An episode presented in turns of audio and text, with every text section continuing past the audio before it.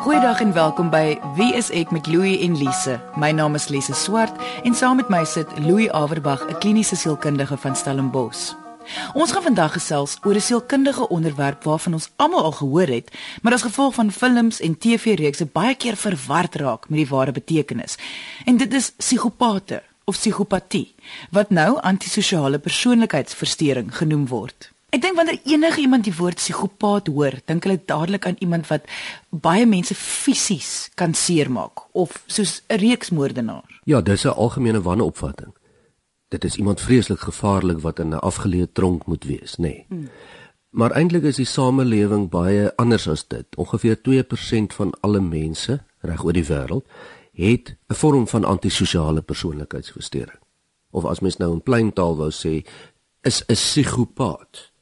Maar nee. wat is 'n psigopaat dan? Eintlik wat dit is, is iemand wat vir 'n baie lang tyd 'n aanhoudende patroon het om nie om te gee vir die samelewing of vir ander mense se behoeftes nie. En dis en dis duidelik om te sien. Mens weet dit, daar's rekords daarvan. Met ander woorde iemand wat nie regtig omgee of sleg voel of skuldig voel om ander mense of 'n groepe mense te na te kom op 'n gereelde basis nie. Is dit hoekom as mens dink aan 'n reeks moordenaars is dit gewoonlik waarmee ons te doen het? Ja, en dis 'n interessante een. Uh terwyl jy nou van reeksmoordenaars praat. As ons van reeksmoordenaars praat, feitelik alle reeksmoordenaars is psigopate of mense met antisosiale persoonlikheidsversteuring. Dit is so. Hmm.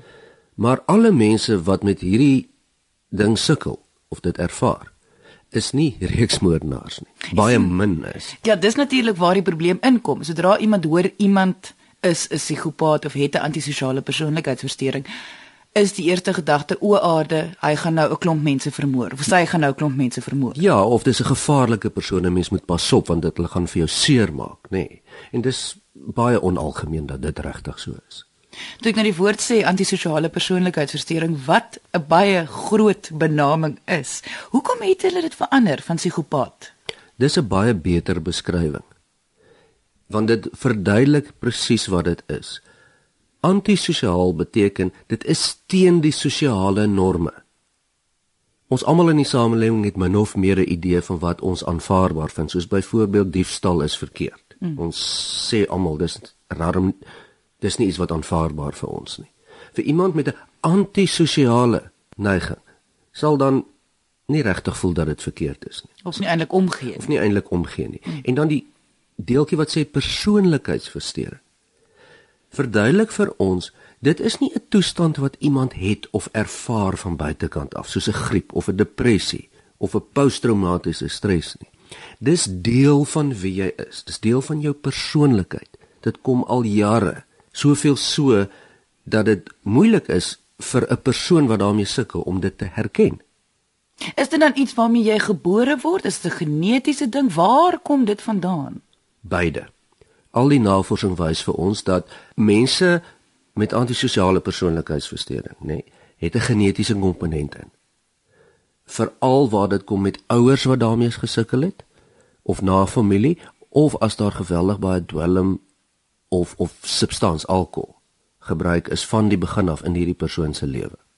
Dan is die kanse beter dat hulle so gaan word, maar dit kom lank voor die ouderdom van 15. Kan jy al duidelik sien hier is 'n probleem. As jy nou sê die ouderdom van 15 is dit die ouderdom waar mens gewoonlik die simptome begin sien. Jy moet eintlik voor 15 sien mens die simptome. Vir iemand om later te kan gediagnoseer word met 'n antisosiale persoonlikheidsversteuring, moet die persoon voor 15 al definitief in die moeilikheid gekom het as gevolg van gedrag.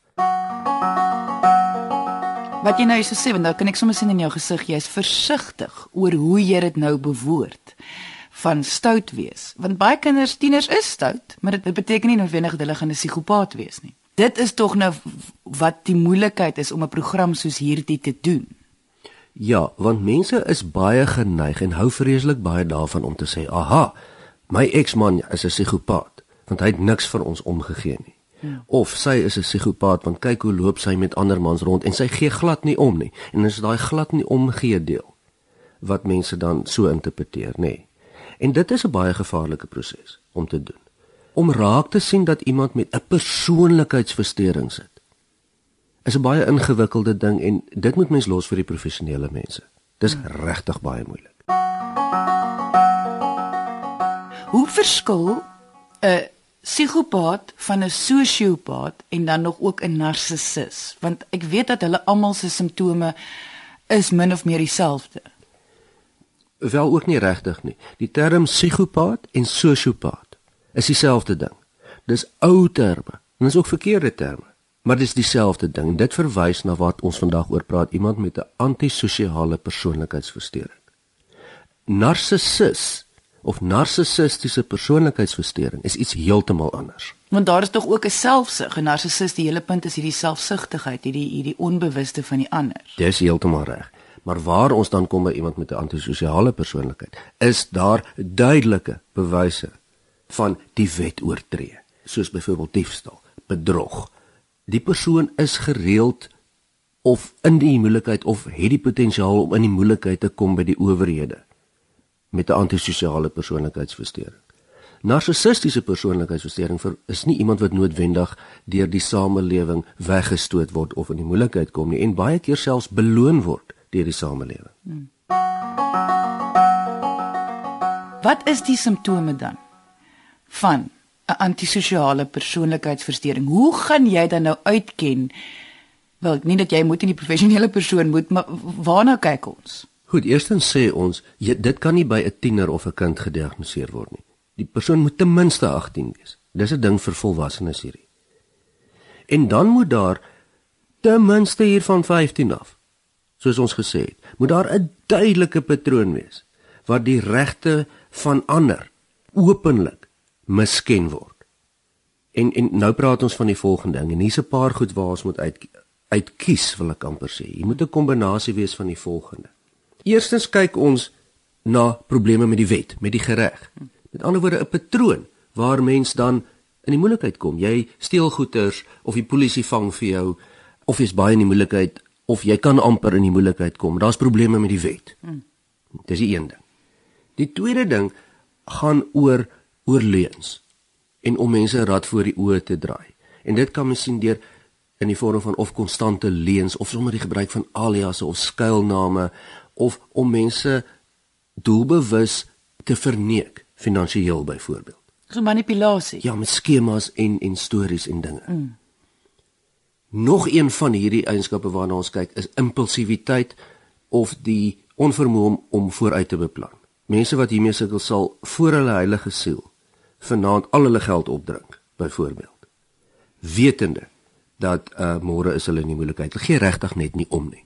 O. Oh. Nog 'n eenskap waarna ons kan kyk is konstante geïrriteerdheid en aggressie, nê. Nee. En hierdie is die een deeltjie. Dit kom nie altyd voor nie, maar partykeer by sekere mense kom dit voor herhaalde gevegte of bekleierery, fisiese bekleierery. En dit is dan die deeltjie waar mense sal sê hierdie persoon is bietjie meer gevaarlik. 'n baie bekende eienskap hiervan is om nie om te gee vir veiligheid of vir self of vir ander nie. Met ander woorde, ons klim sommer in die kar, ons het baie gedrink en ons ry teen die topspoed. Hmm. Maak nie saak hoe gevaarlik dit is of nie. En dan hierdie konses die konsekwente onverantwoordelikheid. Hou nie 'n werk nie, betaal nie 'n uh, gereeld uh, rekeninge nie. Ehm um, sal sommer by 'n werk bedank wetende jy kan dit nie eintlik bekostig nie, nê. Nee.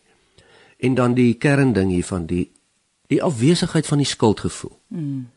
Die persoon jy kan sien die persoon gee nie regtig om nie. Hulle geen regtig skuld. Hulle sal ek sê ek is jammer en so aan of dit redeneer of sê ja maar skus man ek ek het nou ek was seer gemaak of ek was so ongelukkig geweest en toe het ek nie mooi gedink wat ek doen nie maar is nie regte jammer nie so met ander woorde hulle hulle het geen gewete nie en hulle kan baie keer dit dit ook as manipulasie gebruik want ja. hulle weet dit is wat jy wil hoor ja En dan soos ons vroeër gesê het, ons moet daarom kan sien daar was moeilikheid voor 15 nog gewees was daar al aanduiding gewees dat hier hierdie meisie of seun kom gereeld in die moeilikheid hmm. by die owerhede, nê. Nee. En dit is dan in kort waarna ons kyk. En as jy daai beeld het, dan kan jy begin dink hier. Jy luister na Wie is ek met Louie en Lise op RSG 100 tot 104 FM. Kyk, dis nou baie moeilik want wat jy nou sopas genoem het is vir baie mense normale menslike gedrag. Ek bedoel kinders is stout, uh, sekere mense het nou maar net nie die vermoë om te dink aan die toekoms nie.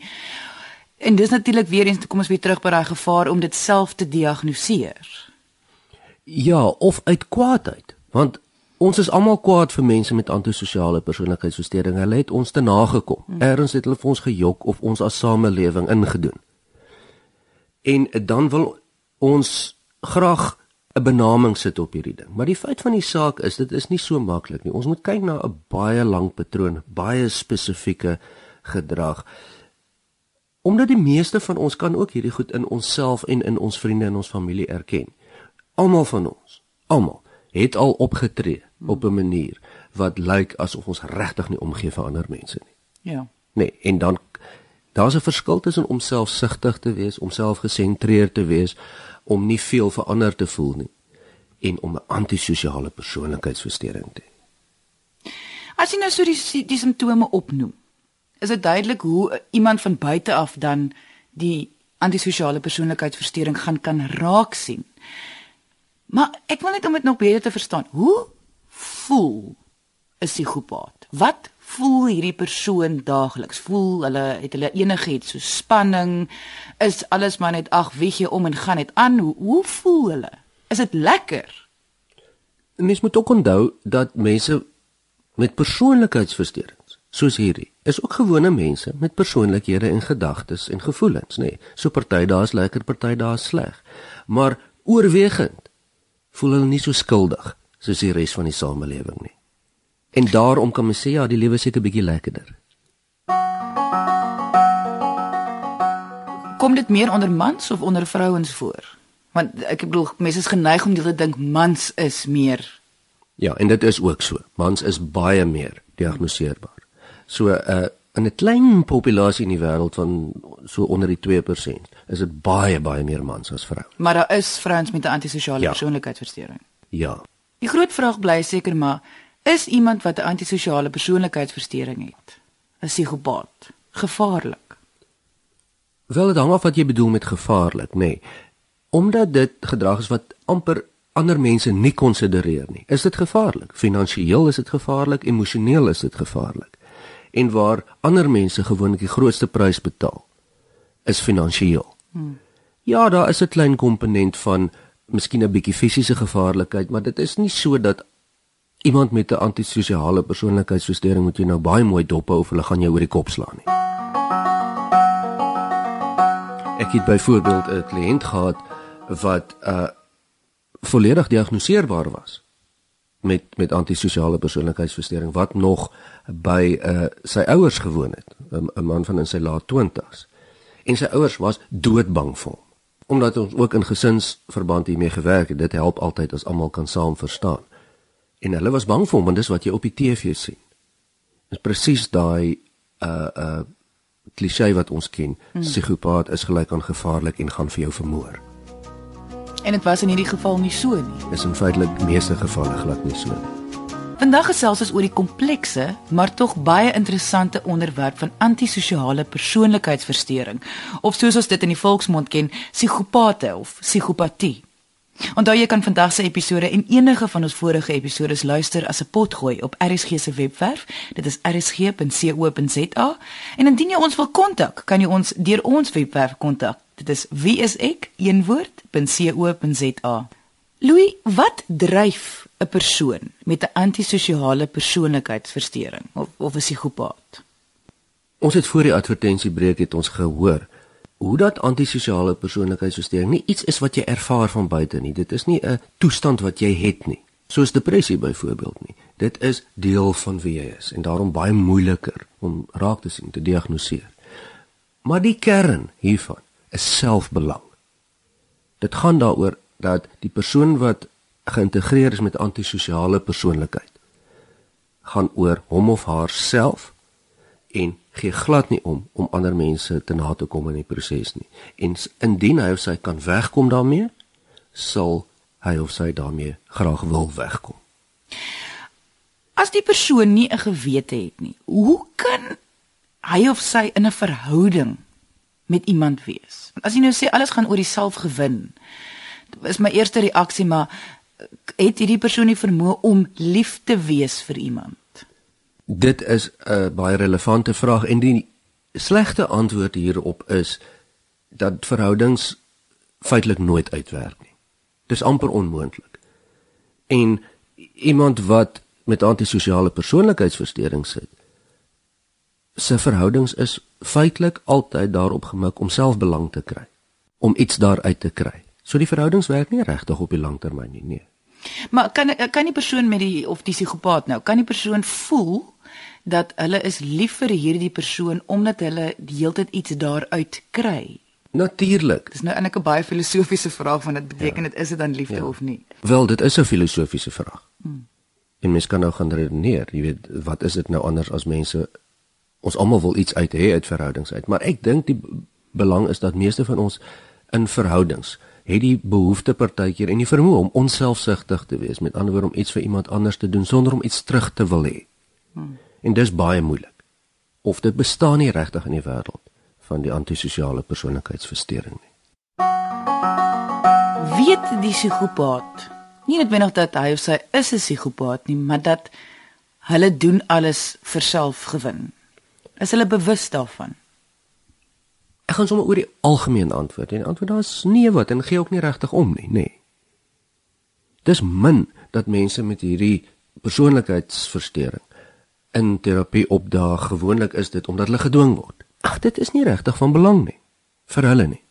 So selfs al sou jy hulle bewus maak daarvan en hulle sê, luister, jy het die diagnose van 'n antisosiale persoonlikheidsversteuring. Dit is hoe jy is. Kyk na jou geskiedenis. Ons kan mos nou albei sien dit is hoe jy is. Wat jy nou sê is oor die algemeen gaan dit geen verskil maak nie. Nie heeltemal in die in die binnewêreld nie. Maar dit gebeur baie keer dat persone wat hiermee sukkel sal sê, "Goed, ek wil nie heeltyd in die moeilikheid kom nie." Ek wil ook graag lekker verhoudings hê. So goed, ek neem nou kennis hiervan dat dit is hoe ek is. En ek kan probeer en ek gaan probeer en party mense kry hulp en kry dit dan ook reg om dan sosiaal meer op te tree met 'n omgee. Maar, maar dis dan iets wat mens maar moet leer hoor, dis nie so maklik nie. Ja, want ek bedoel ek kan nou dink as dit dan ook vir selfgewin is. Jy as persoon is nou moeg daarvoor om so 'n lewe te lei. Jy wil hê dit moet beter wees, dan is dit tog ook selfgewin. Dan kan ek dink hulle sal dan iets insit. Het dit te doen met grade? Kry mens mense wat erger 'n antisosiale persoonlikheidsversteuring het wat minder hulp kan kry of is daar mense met 'n ligte antisosiale persoonlikheidsversteuring? Dit hang baie af van die persoon self in terme van intellek, ander forme van persoonlikheid, opvoeding ensovoorts ensovoorts ensovoorts hoe hulle die ding gaan optree. Met ander woorde, jy kry mense wat so uit beheer uit is wat elke dag in die moeilikheid kom met diefstal en sit dan in die tronk. Mm. En dan kry jy mense wat daarom meer beheer kan uitoefen, wetende ek gaan nie wegkom hiermee nie, ek gaan tronk toe gaan. So is nie dat ek dit nie wil doen nie, ek gaan dit net nie doen nie want ek is slim genoeg om dit nie te doen nie. Ons sê nou die hele tyd dat moenie by hierdie 'n selfdiagnose, moenie self besluit iemand in jou lewe het 'n antisosiale persoonlikheidsversteuring nie. En kry liewerste die, die diagnose van 'n professionele persoon. Nou jy is 'n professionele persoon. Hoe maklik of moeilik is dit om hierdie diagnose te maak? Want soos ons nou praat, voel dit vir my jy moet lank 'n persoon kan sien en ken voor jy kan dit maak jy moet en jy moet baie agtergrondsinligting hê. Hmm. En dis hoekom dit 'n baie gevaarlike ding is en dit is ook baie ongeskik dink ek en is selfs dis selfs 'n onwettige ding. Dis naamskending selfs om sommer links en regs te sê hierdie persoon is 'n psigopaat en daardie persoon is 'n psigopaat, nê. Nee. So ja, dis moeilik. Dit vat 'n lang tyd om tot daai diagnose te kom. Ek probeer kyk, is daar 'n lang genoeg patroon deur die tienerjare en die vroeë volwasse lewe tot waar die persoon nou is van konstant regtig nie eintlik omgee wat die impak is op ander mense nie. En dit kan mense sien. Kyk baie mense kom byvoorbeeld in die moeilikheid met met die wet. Hmm. Maar dan sal iemand vir jou sê, "Hoorie, ek het verskriklik baie dwelms gebruik en ek het in die moeilikheid gekom en o, oh, hemel, ek is so bly daai tyd is verby." En ek het vreeslik skade aangerig, ook aan myself. Hierdie is anders.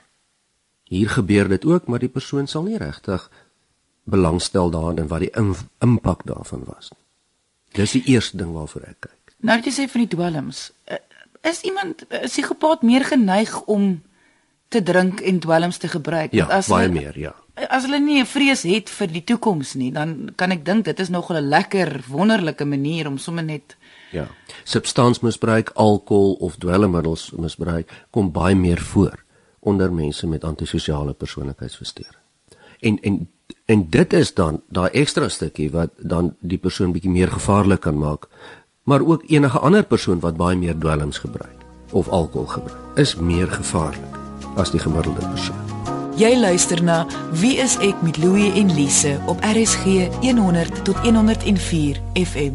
Ek weet van 'n persoon wat wat wat hiermee gesukkel het en toe besluit het hy gaan nou regtig probeer om 'n werk te behou en om nie misdaad te doen. Ek praat van klein bedrog en so aan. Want hy het moeg geraak om so in die moeilikheid te raak. Hmm. Nee.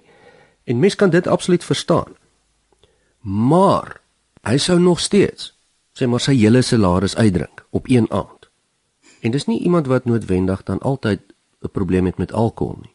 Dit is daai ding van op die oomblik, ag weet jy, ek gee regtig regtig nie om nie.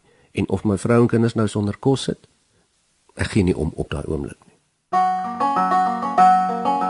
So iemand luister na die episode en herken van die simptome en ons almal weet nou jy mag dit nou nie self diagnoseer nie. Maar wat moet hulle dan doen?